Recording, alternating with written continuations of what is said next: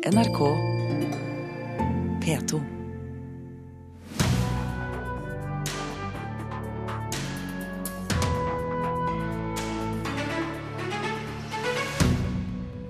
Kunstkritikere mener vinnerutkastet til minnested over terroren 22.07.2011 ikke bør bygges. Det er de samme som ga det positiv kritikk.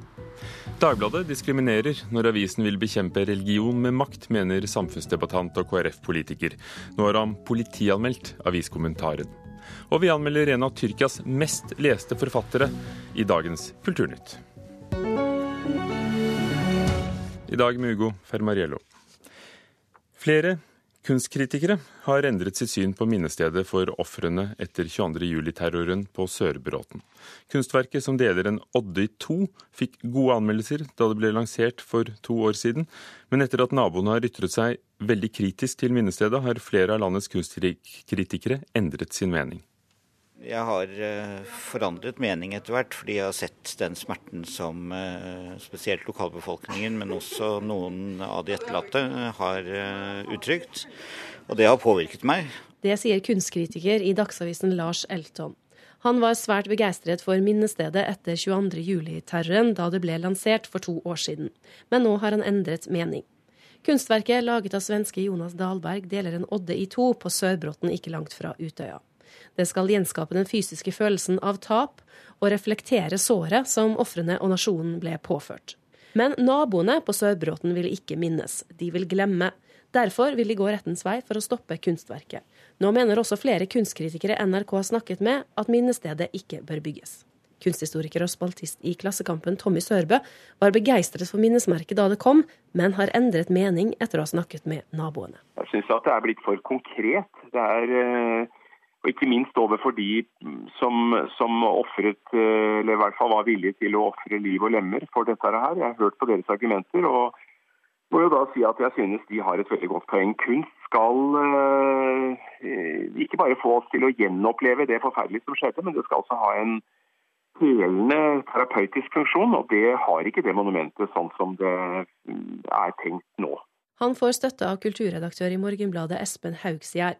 Avisen ga gode anmeldelser av minnestedet da det ble lansert, og Haugsgjerd mener fortsatt kunstverket er godt. Likevel vil han ikke at det skal bygges på flere tiår. Det som jeg syns er eh, litt eh, rart med hele retorikken rundt hvorfor vi skal gjennomføre dette minnesmerket, er at det vil hindre oss i å glemme det som har skjedd. Og det tror jeg ærlig talt for folk som ferdes rundt Tyrifjorden, ikke er eh, et akutt problem. Derimot så ligger Utøya der og minner minner oss på det som skjedde eh, hele tiden. Eh, så, så jeg syns vel eh, det hadde vært en bedre løsning å legge til rette for at man kunne den som ønsker det, kunne oppsøke et sted hvor man ser Utøya og kan ha sin egen opplevelse av det. Professor i kunsthistorie ved Universitetet i Bergen, Siri Meyer, kan ikke forstå hvorfor kunstkritikere har skiftet mening. Det er jo ikke noe uvanlig at naboer protesterer mot, mot, mot forslag om nasjonale minnesmerker. Det skjedde jo etter etter at det ble bestemt at man skulle lage et minnesmerke etter 11.9. i USA også, i New York.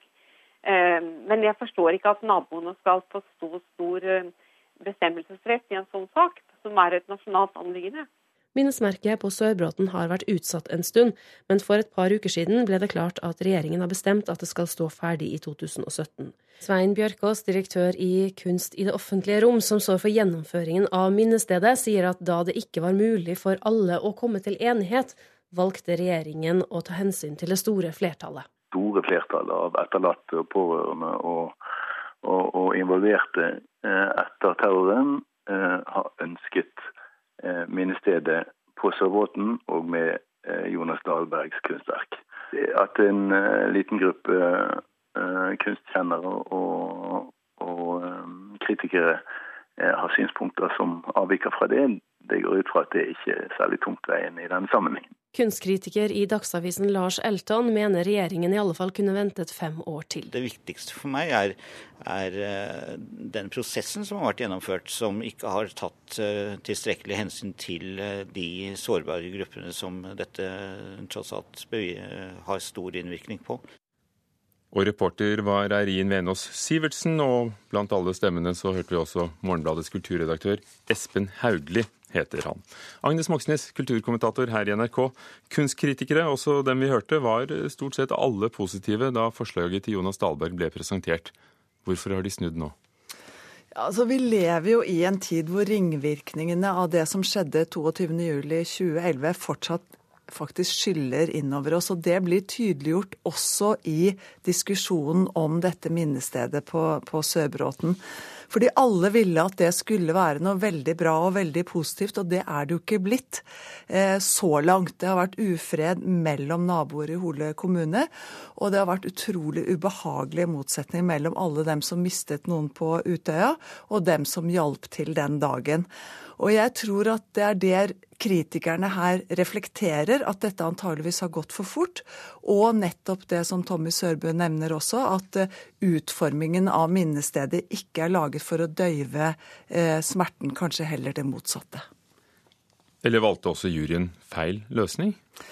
Altså, Jeg syns det er veldig vanskelig å si det, men KORO, altså Kunst i offentlig rom, som vi hørte i denne reportasjen også, eh, de har jo fått ansvaret for å bygge disse minnestedene. Både det som skal bygges i regjeringskvartalet, og det som skal bygges på innsiden av Utøya.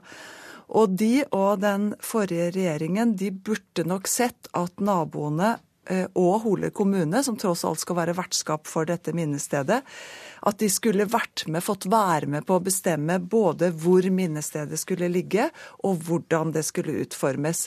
Og det er vel her liksom feilen er begått, så vidt jeg kan forstå. Kommunalminister Jan Tore Sanner har altså tenkt på saken et års tid. Og før påske kom nyheten at han vil holde på vinnerutkastet. Hva, hva var hans eh, grunn til det? Ja, altså Jeg tror på han når han sier at dette ikke har vært et lett valg. Men han har lyttet til, til flertallet, og, og, for de fleste av oss så er det jo et behov for å, å, komme til et sted, sette seg ned i nærheten av Utøya og tenke gjennom det som skjedde den 22. juli 2011, eh, hvor faktisk 77 nordmenn ble drept. Men det er jo en konflikt som pågår. Hvem blir taperen i denne konflikten? Det er jo lett å si at det er regjeringen, men jeg vil nesten si at det er regjeringen og, og Koro. Fordi at jeg vet de har vært i lange samtaler også i vinter for å prøve å komme til enighet. Det er et tap at de ikke har klart å, å komme til enighet med naboene. Takk. Agnes Moxnes.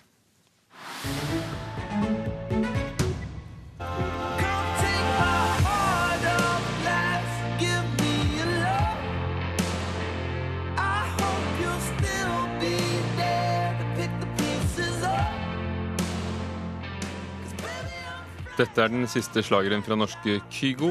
'Fragile', som han ga ut rett før påske. Debutalbumet kommer i mai, men nå er det klart at Kygo det er ikke bare musikk, ikke bare landeplage, men også et klesmerke. Reporter Thomas Alverstein Ove.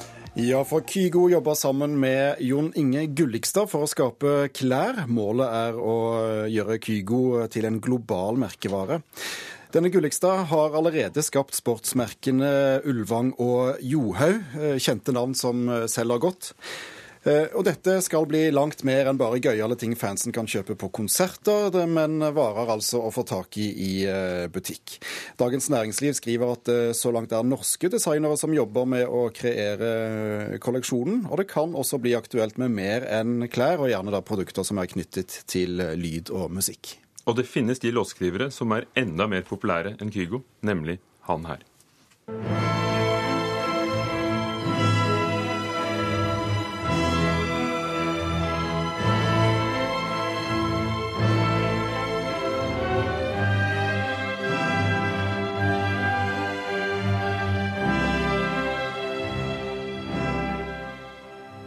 For første gang slår Ludvig van Beethoven Wolfgang Amadeus Mozart i verdens største meningsmåling for klassisk musikk. Hva har skjedd, og hva dreier det seg om?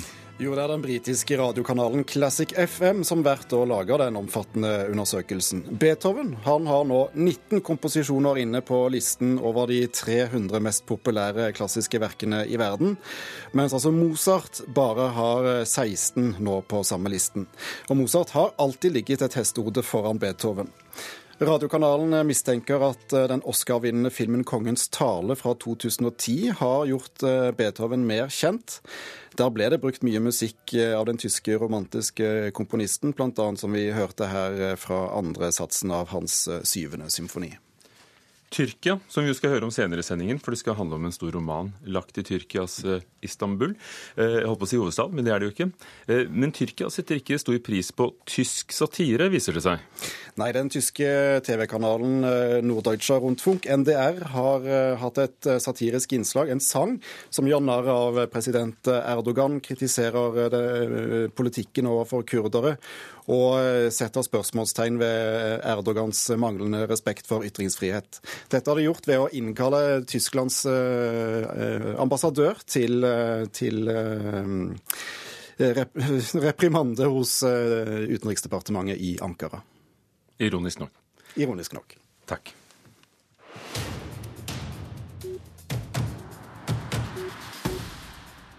Dagbladet og avisens kommentator Aksel Braanen Sterri er politianmeldt for diskriminering. Kommentaren 'Religion er en parasitt på den verste delen av menneskehjernen', som ble publisert i løpet av påsken, ble for mye for samfunnsdebattant og KrF-politiker i Ålesund, Hallgeir Reiten. Hallgeir Reiten, eh, god morgen. God morgen. Hvorfor har du gått til det skrittet å politianmelde eh, en aviskommentar? Nei, Jeg mener jo det er en farlig vei eh, Brann Sterri har gitt seg inn på. Han, eh, først eh, så er han svært nedsettende om en stor minoritetsgruppe i det norske samfunnet, religiøst troende. Og for det andre så oppfordrer han også, slik jeg oppfatter det, til maktbruk mot religiøse for å begrense vår makt i hermetegn i samfunnet, og det mener jeg i seg sjøl er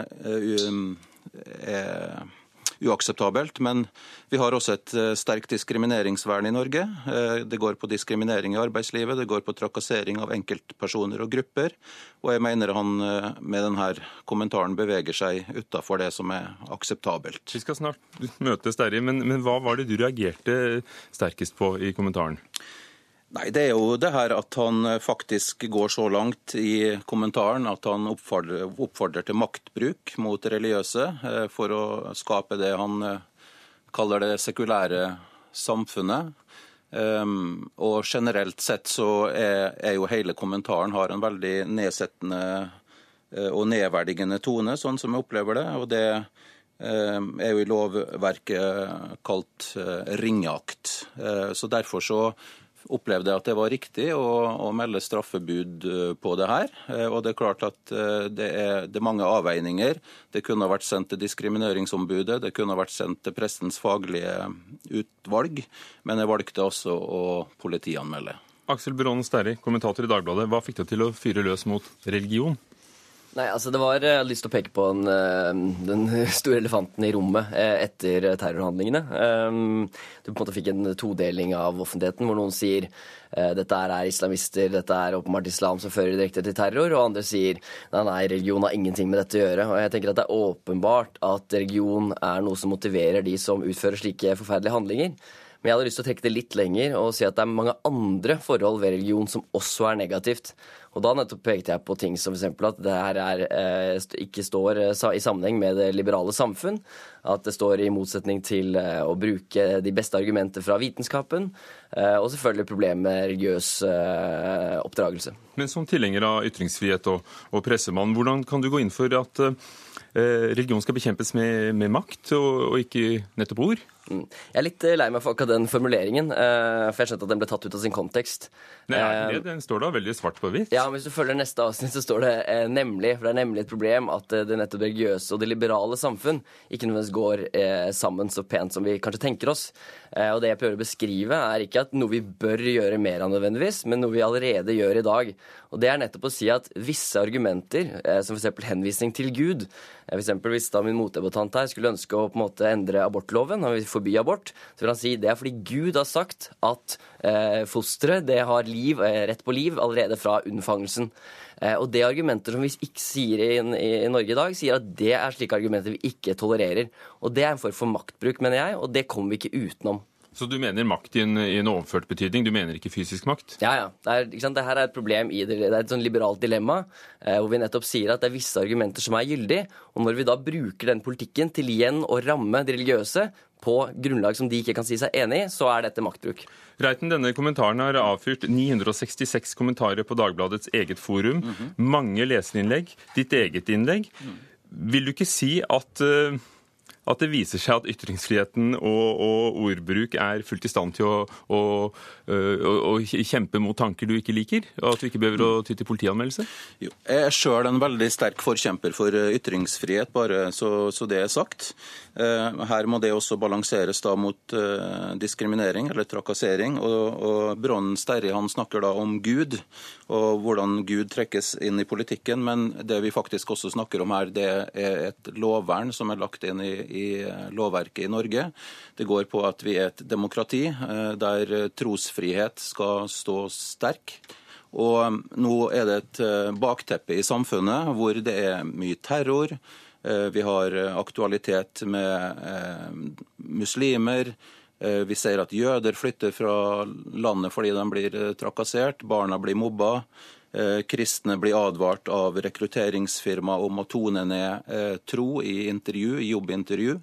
Og da tenker jeg på en måte at Når du da velger å, å, gå ut og nærmest stigmatisere en stor gruppe i samfunnet, så jeg frykter jeg også at det kan være med å normalisere både trak trakassering og i verste fall vold og hatytringer. Vi ser også Det, det, det jeg lurer på, det jeg lurer på fordi altså, jeg tror ikke du tror at dette her rammes av de lovforbudene du snakker om. Det er åpenbart ikke slik At det må vi vel anta at han tror, siden han har gått i politianmeldelse. Ja, det på, den, fordi, liksom, du, Han hadde først skrevet et eh, innlegg, eh, et eh, svarinnlegg til meg, hvor han brukte nettopp sin ytringsfrihet til å komme meg i motmæle. Og det er jo på en måte helt innafor. En kjempefin greie. Og der skriver du at du hyller ytringsfrihet, og så kommer du dagen etter og prøver å politianmelde meg. Så jeg lurer på, Er dette en politi politisk ytring? For det er ingen jurister som vil være enig i at dette her er diskriminerende ytringer. Det er, Hvis du ser på rettskilder, rettspraksis, du ser på Gyllendal Lovdata, Eh, så ser du også på en måte at den gamle diskrimineringsloven den er videreført i den nye loven om diskriminering og etnisitet. Og ja, det er sånn at diskriminering det går veldig mye på arbeidsliv, men det kan også komme til anmeldelse på, på grupper i, i, enkelte tilfeller. Og det er altså løfta inn i straffelovens 185 til 187. sånn at det er ikke Sånn jeg ser det, så er det ikke eh, så enkelt som om at det her ikke kommer til, til anvendelse. og Derfor så tenker jeg at det er greit at politiet får vurdere det. Men så må det også uh, vurderes opp mot ytringsfrihetsparagrafen. Og, og Hva tror du blir utfallet? Hva ønsker du å oppnå? Nei, Det får være opp til, til, politiet, men det er også sånn at uh, Vær, vær varsom-plakaten uh, den sier at den skal vise respekt for menneskers egenart, privatliv, rase, nasjonalitet og livssyn. Men hva vil du oppnå? Nei, Jeg ønsker å sette fokus på det her. Jeg syns ikke det er greit hvis eh, hele grupper blir, eh, blir eh, stigmatisert som, eller farliggjort i samfunnet. Det være seg kristne, det være seg muslimer, det være jøder eller det være seg homofile, som også blir slått ned på åpen gate pga. sin seksuelle legning. Og Da tenker jeg på en måte at vi, vi, er, vi er, nødt til å løfte en debatt om jeg, det her er greit. Men jeg tror dette her er en mye farligere vei å gå. Det er helt åpenbart at vi bør ta hensyn til um, sårbare grupper. men men det å begrense ytringsfriheten på den måten du ønsker, er en mye, mye mye verre vei å gå. Takk skal dere ha, begge to. Der er det stopp. Aksel Brånen Sterri fra Dagbladet og Hallgeir Reiten, blogger og KrF-politiker. Klokken er allerede ni på halv ni. Overskriften i Nyhetsmorgen. Mange innvandrerkvinner møter ikke opp til undersøkelse for livmorhalskreft. Antimuslimsk valgkampretorikk i USA truer landets sikkerhet, mener sjefen for USAs sikkerhetsdepartement. Og elektronikkjeden Ekspert sier opp den kollektive tariffavtalen. De vil fjerne ulempetillegg, og i stedet øke muligheten for bonus for de ansatte. En kjærlighetshistorie fra 1500- og 1600-tallet fra det fjerne og nære Østen. Det er arkitektens læregutt. Er, eh, det er også tredje bok på norsk av den tyrkiske forfatteren Elif Shafak. På forsiden bilde av en hvit elefant, og i bakgrunnen lugger en by med kupler. Lurer en by med kupler og spir. Marta Norheim, vår anmelder, er dette en uh, eksotisk historie fra gamle dager som det kan uh, se ut som? Ja, uh, både ja og nei, må jeg nesten svare på det. Fordi at Vi skal tilbake til det osmanske riket på 1500- og 1600-tallet, da det var riktig stort og, og mektig med sultaner og harem og hvite elefanter. Eh, men samtidig skriver forfatteren ei eh, svært allmenn historie ut ifra dette. Så det er, det er, en roman med mange sider, også i overført betydning. Den er i tillegg ganske voluminøs. Jeg sa at eh, Elif Shafak er en av de mest leste tyrkiske forfatterne. Er ganske ung, født i 1971. Hvem er hun? Ja, hun er jo egentlig en ganske imponerende dame. Altså En slags uh, tyrkisk eh, verdensborger, uh, født i Frankrike av tyrkiske foreldre. Nå bor hun i London og Istanbul. Hun har bodd i Madrid, Amman, Amman USA, mange plasser. skriver faktisk denne boka på engelsk, og har doktorgrad i statsvitenskap. Har en 12-14 bøker bak seg, både sakprosa og skjønnlitteratur. Dette er den tredje boka hennes på norsk. Hva handler den om? Ja, altså, Dette er jo ei dame som er opptatt av minoriteter og, og, utsatte eh, grupper. Og her følger hun en liten indisk gutt som rømmer fra en voldelig stefar sammen med en eh, liten eh, hvit elefant som han har ansvaret for. For denne stefaren er da en elefantpasser, eller oppdretter. Eh, han havner inn på sultans hoff. Eh, blir også eh, tatt opp i eh, lærlinggruppa rundt den store eh, eh, arkitekten og, og byggmesteren Sinan, som er en historisk skikkelse som faktisk eh, designa og, og, fikk opp eh, over 300 bygninger i, i løpet av sitt eh, liv. Sånn at vi følger denne her mannen og elefanten, Chota gjennom, eh, gjennom et uh, langt liv. Og det er, På mange måter så er det en sånn gammeldags, spennende historie. Sånn 'skal tru hva som skjer nå'-type historie. Og samtidig så vil jeg si at det er noe mer, da. Eh, hva er dette mer? Ja, altså det ene mer er at den er helt eh, ekstremt detaljert og eh, presis i skildringene. Altså Det er ikke sånn vi gikk gjennom en by, men du ser liksom akkurat byen og bygging og byggeprosesser, levemåter, trusforestillinger. Hvordan steller du en elefant på dens yngre og eldre dager? Altså Det er ekstremt høyt presisjonsnivå som det til, gjør det til en veldig rik fortelling.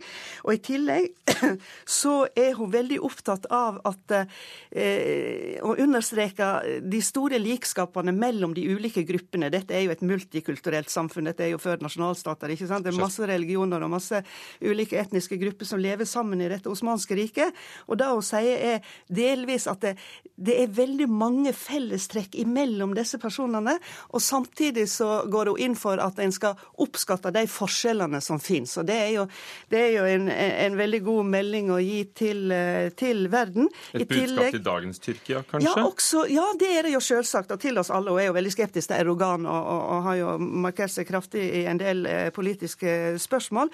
Men hun, hun lager det likevel til eh, eh hun bygger opp til noen, noen etiske dilemmaer, f.eks. disse her som bygger. Så eh, er jo spørsmålet eh, er det bra å bygge vakre bygninger eh, med penger ifra hærtokt. Er det bra å rive husene til de fattige for å bygge et mausoleum for en rik? Altså, Hele tida er det etiske dilemmaer her. Er det en god bok? Ja, jeg syns det er en god bok. Takk skal du ha. Marta Norheim om 'Arkitektens læregutt' av Elif Shafak. Skal jeg få lov til å legge til at den er oversatt til norsk av Marius, Marius Middleton. Da komponisten Kjetil Bjerkestrand fikk vite at han hadde kreft, måtte han venne seg til tanken på at også han kunne dø. Det han gjorde, var bl.a. å sette seg ved hytta i Kvitfjell og skrive sitt eget rekviem.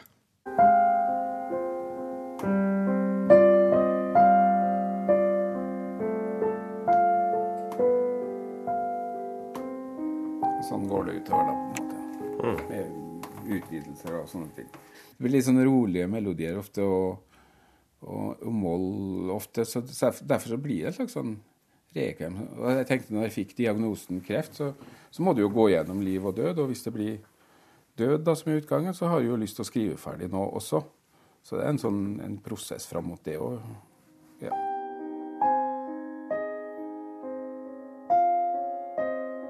Komponisten Kjetil Bjerkestrand har jobba med store artister både i Norge og utenlands som musiker, komponist og arrangør. Blant dem a-ha, Ray Charles, Didi Bridgewater og Arve Tellefsen. I fjor fikk han kreftdiagnosen. Men på hytta i Kvitfjell, der han har bosatt seg, har han fortsatt å komponere. Bl.a. på det han kaller et memento mori, eller rekviem. Den perioden jeg var usikker, var jo fra kreften ble oppdaga til diagnosen ble endelig stilt om spredning og sånne ting. Og da Det er på en måte alvoret der tror jeg har fulgt med gjennom hele prosessen. Sånn at Du må vite at du kan dø.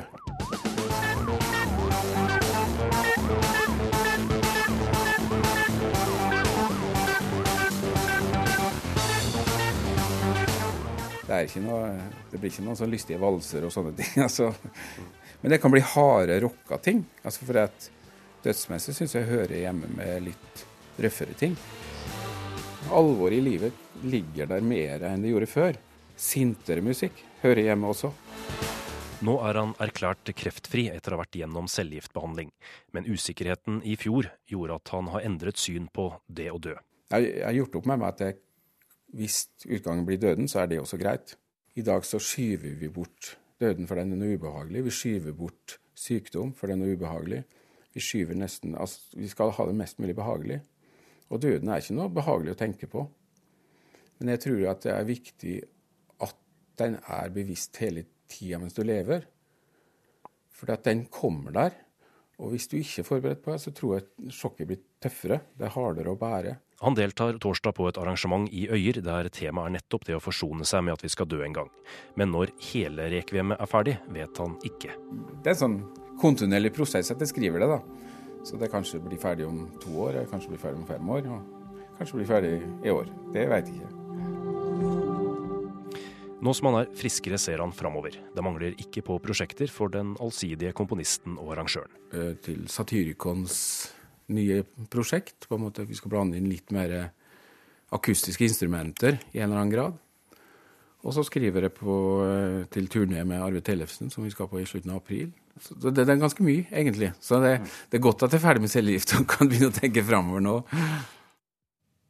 Komponist Kjetil Bjerkestrand til vår reporter Erlend Moe. Kunnskapsdepartementet varsler at de kan komme til å levere inn flere anmeldelser til, om den private høyskolen Westerdals Oslo Act. I går ble det kjent at staten krever tilbake 28 millioner kroner i statsstøtte til utdanninger som ikke var godkjent. Anmeldelsen går på grovt bedrageri, som har en strafferamme på seks års fengsel, skriver Dagens Næringsliv. Kulturnytt var ved Stine Tråholt, produsent, og Ugo Fermariello, programleder. Hør flere podkaster på nrk.no podkast.